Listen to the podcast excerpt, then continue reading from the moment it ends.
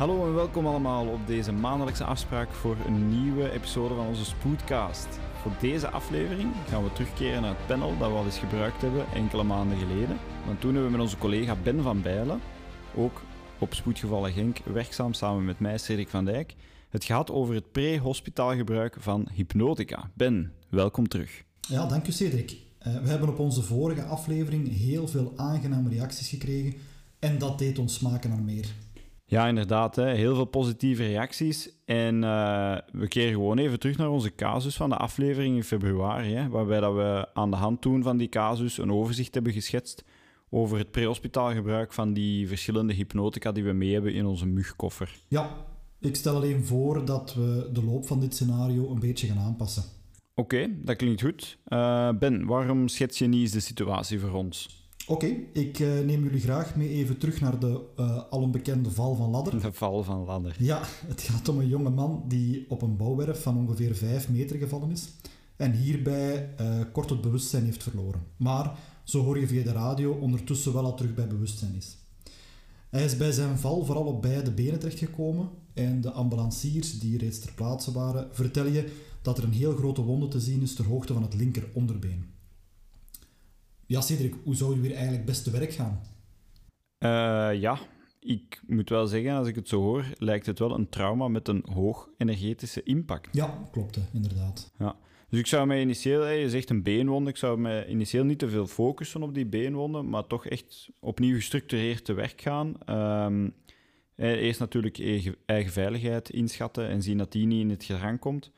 Maar uh, eens dat dat in orde is, ga ik me terug laten leiden door uh, onze alom bekende ABCDE-approach, ook in trauma. Super, super nuttig.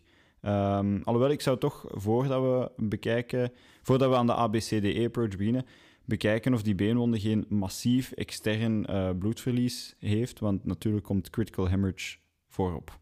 Ja, dat zou ik eigenlijk exact hetzelfde doen, Cedric. Dat lijkt een prima aanpak. Hè.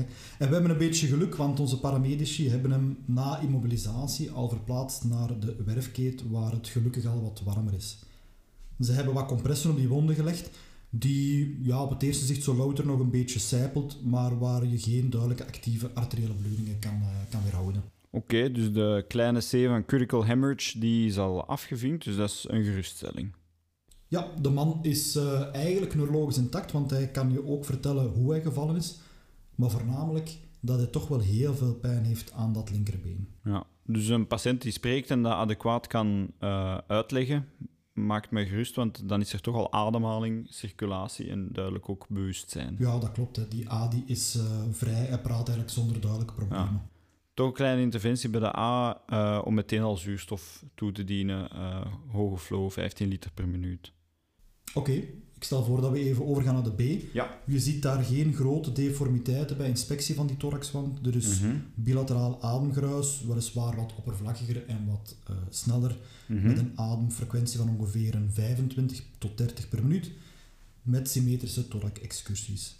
De saturatie, uh, perifeer gemeten, bedraagt 95%. Ja, Oké, okay, dus klinische inschatting lijkt wel oké. Okay. Um, waarschijnlijk een beetje op pijn, toch wat sneller aan het ademen, maar dan kunnen we overgaan naar de C, denk ik. Ja, en hier zie je dat de pols 96 per minuut bedraagt, met een bloeddruk van 150 over 70 mm kwik. Je bepaalt ook een capillaire refill en die bedraagt gelukkig minder dan 4 seconden. Mm -hmm. De buik voelt op het eerste zicht soepel, het bekken lijkt stabiel.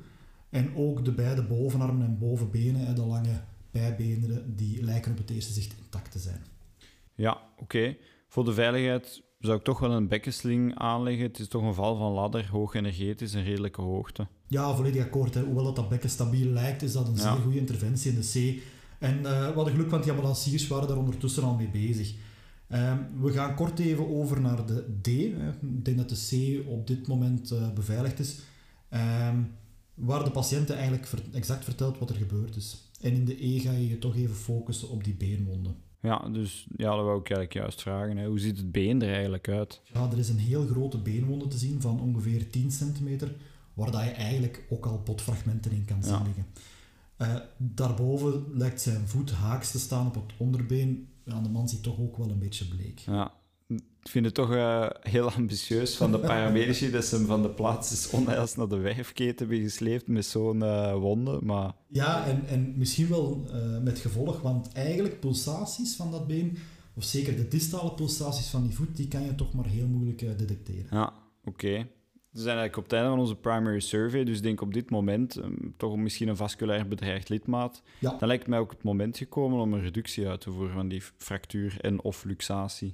Ja, maar het grote probleem is bij de minste aanraking schreeuwt de man het uit van de pijn. Dus ik vrees dat we hier toch iets aan gaan moeten doen mm. om dat uh, lidmaat correct te reduceren, maar ook uw patiënt comfortabel te krijgen.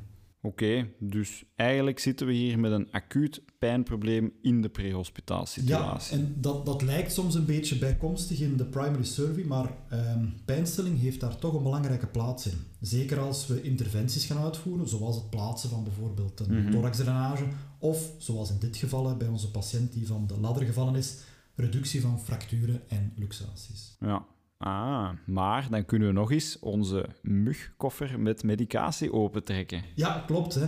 Aangezien intraveneuze pijnstilling hier superieur is, mogen we intussen ook al een intraveneuze of intraosseuze toegang laten plaatsen. Even een side note naar de C, want dat is een interventie die we daar eventueel al onze verpleegkundigen hadden kunnen laten uitvoeren. Ja, inderdaad. Hè. Ja. Oké, ehm, misschien eens kijken wat we allemaal bij hebben. Hè. Ja, een goede uitgeruste mug-equipe die heeft uiteraard heel wat analgetica op voorraad bij prehospitaal, die zowel per os als parentraal kunnen worden toegediend. Ja, ik uh, veronderstel dat we niet gaan gaan voor het uh, paracetamol bruistablet. nee, los van de hoge hoeveelheid zout die dat erin zit, uh, hebben we toch wel iets krachtiger poeder nodig. Inderdaad. Wel, de WHO heeft een, een, de multimodale analgesie ingedeeld in verschillende trappen, waarbij paracetamol en NSAID's tot de eerste trap horen.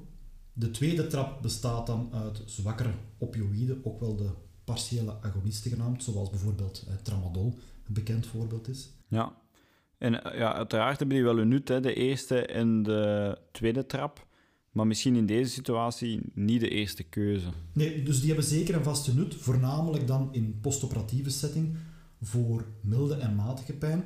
Maar in dit geval lijkt het mij zeker beter om onmiddellijk over te gaan naar de derde trap, die van de krachtige opioïden en niet-opioïde pijnstilling. Ja, ik denk dat we daar in deze setting toch een heel eind verder mee gaan komen, lijkt wel.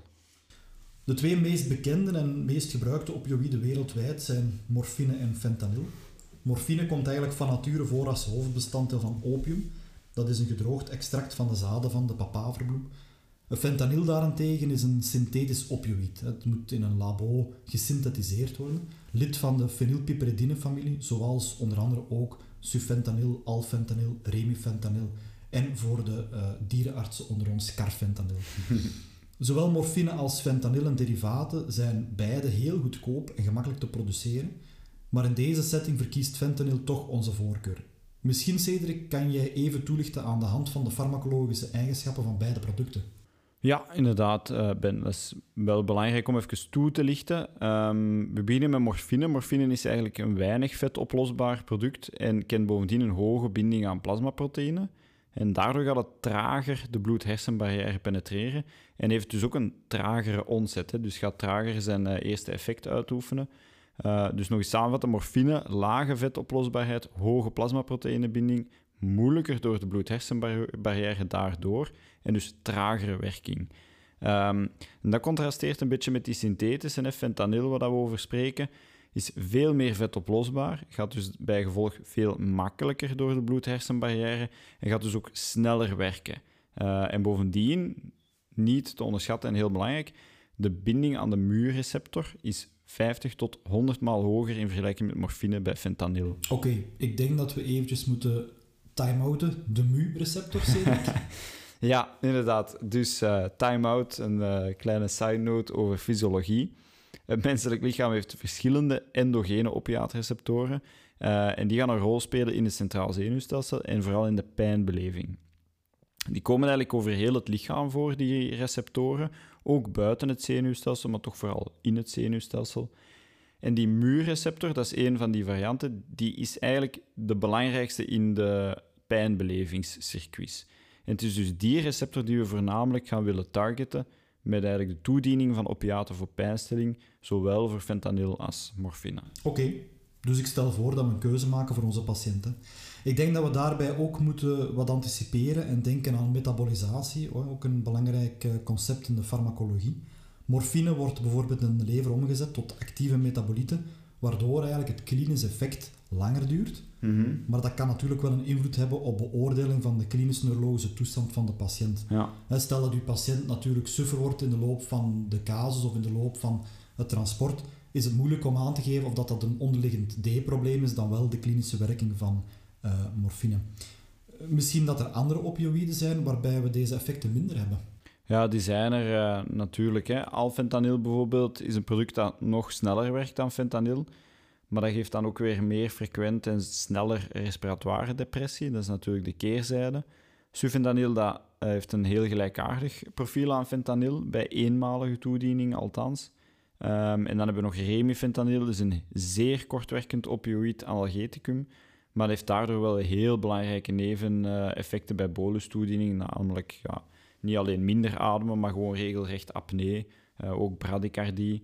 Dus dat is, dat is een product om echt enkel in continue toediening te gebruiken. Ehm, bijvoorbeeld adjuvant bij lange sedatie, voor kunstmatige beademing op intensieve zorgen of op het operatiekwartier. Maar misschien niet de beste keuze die remifentanil voor hier in de werf keet.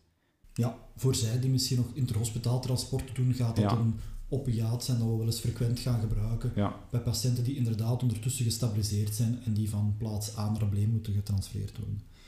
Ja, ik denk dat we het hier toch wel eens kunnen zijn dat fentanyl een prima eerste keuze is voor deze patiënt. ja Maar inderdaad. uiteraard denk ik, Cedric, dat er ook belangrijke of mogelijk belangrijke neveneffecten verbonden zijn aan het gebruik van fentanyl. Misschien kan jij dat even toelichten.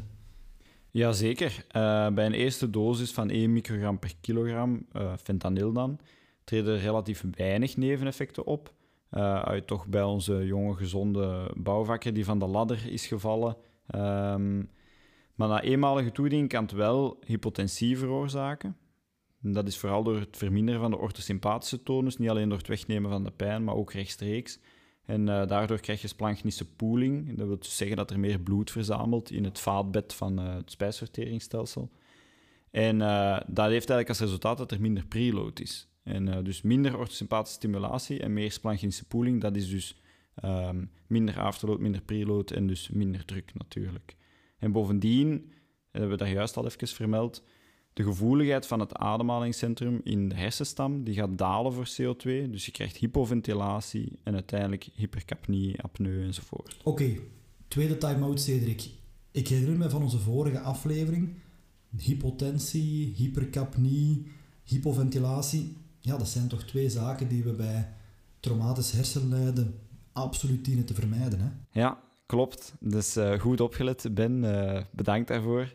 Nee, dat, dat zijn neveneffecten, maar een gewaarschuwd urgentiearts eh, is er natuurlijk twee waard. En die kan daar zeker rekening mee houden en die kan daar ook op anticiperen. Dus je kan bijvoorbeeld preload toedienen voordat je fentanyl inspuit, een vochtbolus. Je kan ook vasoactieve medicatie inspuiten wanneer het zover is. En eh, zo nodig, ja, luchtweg ondersteunen, intubatie, eh, kunstmatige ventilatie. Dat kan daar eigenlijk allemaal natuurlijk op inwerken. Zijn er misschien andere producten in onze mugkoffer aanwezig die deze hemodynamische effecten niet of misschien in mindere mate kennen? Wel, eh, gelukkig is onze mugkoffer goed gevuld. Die producten zijn er wel degelijk. Ehm, de meeste neveneffecten die we juist hebben overlopen, die komen dus door de binding van die opioïdreceptoren. En dan vooral natuurlijk weer die muurreceptor, waar dat de affiniteit heel groot voor is. Maar er is natuurlijk ook een klasse niet-opioïde analgetica. En misschien moeten we daar eens naar kijken. Komen we terug, denk ik, bij onze vriend van de vorige aflevering, Ja. hè? onze uh, al een bekende ketamine. Wel, het goede nieuws is, die kent ook analgetische eigenschappen. Hè, door de werking als NMDMA-receptor-antagonist fungeert het als een krachtig, snel en toch zeer betrouwbaar analgeticum. Bovendien, en dat is het, uh, het tweede voordeel, treedt het analgetisch effect al op aan lagere dosis in vergelijking met het gebruikte als uh, hypnoticum. Ja, en uh, enig idee dan, Ben, hoeveel je daar dan van zou toedienen? Ja, ik zou niet te veel toedienen. Ik zou beginnen met een dosis van 0,2, 0,15 tot 0,25 milligram per kilogram lichaamsgewicht. Mm -hmm. Althans voor pijnstilling, analgesie. Dus voor een normaal gebouwde volwassene kom je eigenlijk al een heel eind met 5 tot 10 milligram. Ja. Belangrijk is wel om op te merken dat die negatieve effecten van ketamine... Ja, die kennen we nog van vorige afleveringen. Door psycho psychedelische effecten, allerlei visuele hallucinaties, ook hypertensie eventueel. Ja, inderdaad. Die neveneffecten die treden gelukkig veel minder op indien ketamine aan lagere doses wordt toegediend. Hè. Die zijn dosisafhankelijk. Ja. En bovendien bij gelijktijdig gebruik van onder andere benzodiazepines of een alpha-2-adrenerge agonist kunnen we ze al heel vaak uh, couperen. Ja.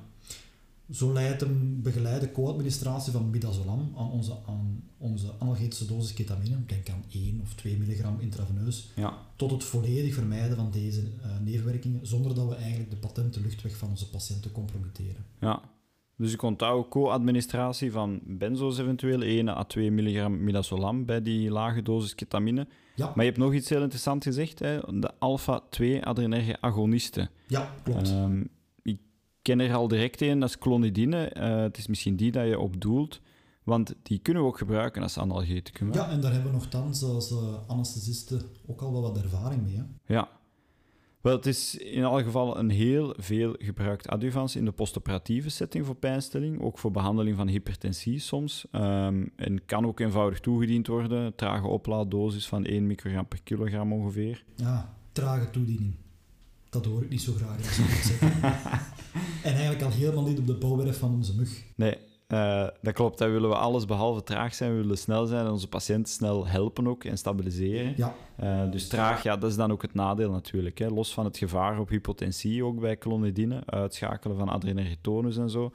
Dat kan een te snelle toediening van clonidine natuurlijk paradoxaal leiden tot een verhoging van de adrenergitonus en hypertensie dan weer in de hand werken. Dus toch wel een paar zaken om rekening mee te houden. Oké, misschien even samenvattend. Misschien dat we best... Die clonidine werkt inderdaad zeer goed als analgeticum, als niet-opioïd-analgeticum. Ja. Maar best dat we dat houden voor gebruik in hospitaal dan. Ja, daar ben ik mee akkoord. En ik denk ook trouwens dat in onze mugkoffer althans het niet te vinden is.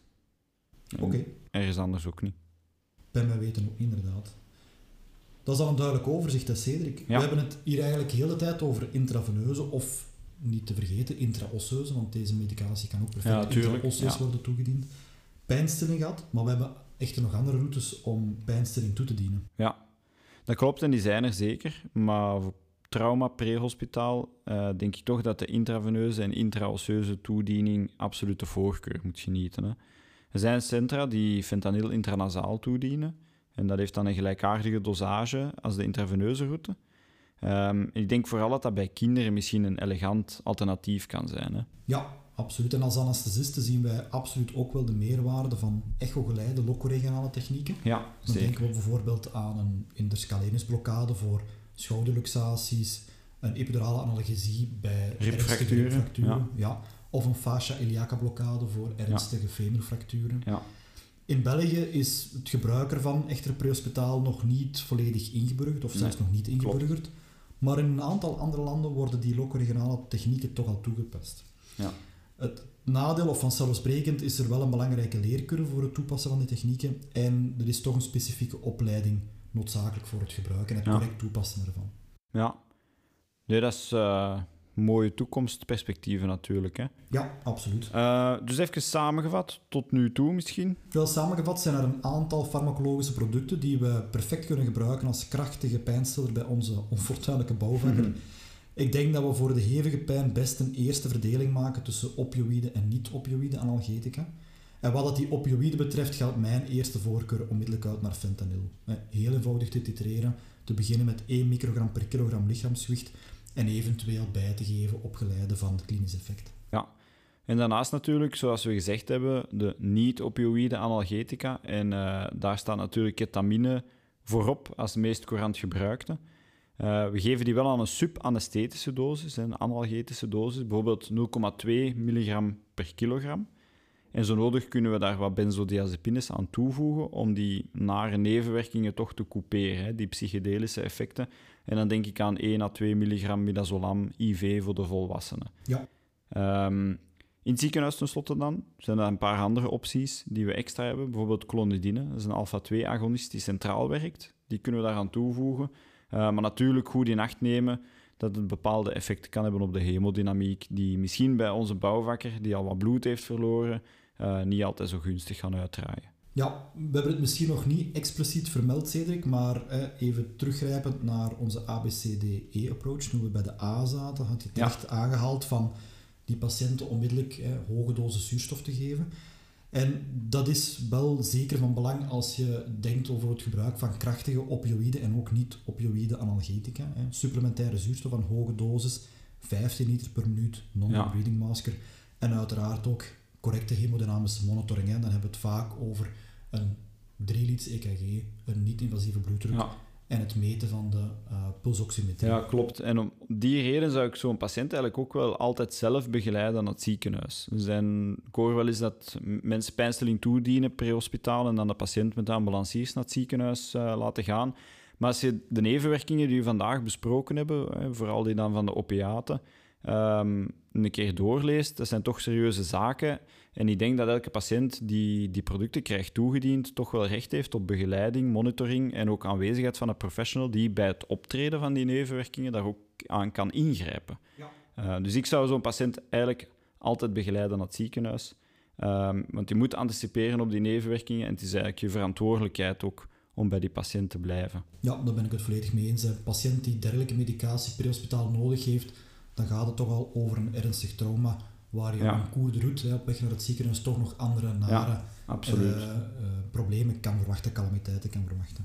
Oké, ik denk dat we hier toch al een heel eind verder mee geraken, Cedric. Uh, ja. opnieuw heel hard bedankt voor de uitnodiging en de interessante discussie dat we weer hebben kunnen voeren. Nee, jij bedankt Ben om op onze uitnodiging in te gaan en een mooie aanvulling te vormen op ons normaal panel. Um, ik denk dat we hier kunnen afsluiten voor deze episode. We hebben weer al heel wat bijgeleerd, met dank aan Ben, over uh, analgetica in de prehospitaal setting. Dat toch soms belangrijke uitdagingen met zich kan meebrengen. Um, volgende maand keren we terug met ons panel En dan wordt het toch al iets zomerser, hoop ik. En de onderwerpen die zullen er ook zeker en vast naar zijn als het warmer wordt verandert ook onze pathologie op spoedgevallen. En dus daar gaan we zeker mee mee, want volgende keer spreken we over hyperthermie, heatstroke en alle aanverwante pathologieën. Zoals altijd vinden jullie een samenvatting terug op onze website, sol.be slash urgentiegeneeskunde, wordt ook aan de beschrijving toegevoegd. En aarzel niet om suggesties te doen, treed in dialoog met ons. We hebben heel wat kanalen op uh, social media. We hebben ook een e-mailadres dus treed in discussie met ons. We kijken er echt naar uit jullie reacties altijd te zien. En uh, dat helpt ook ons om een relevant verhaal te brengen, elke keer opnieuw. Hartelijk dank voor het luisteren allemaal en tot volgende maand.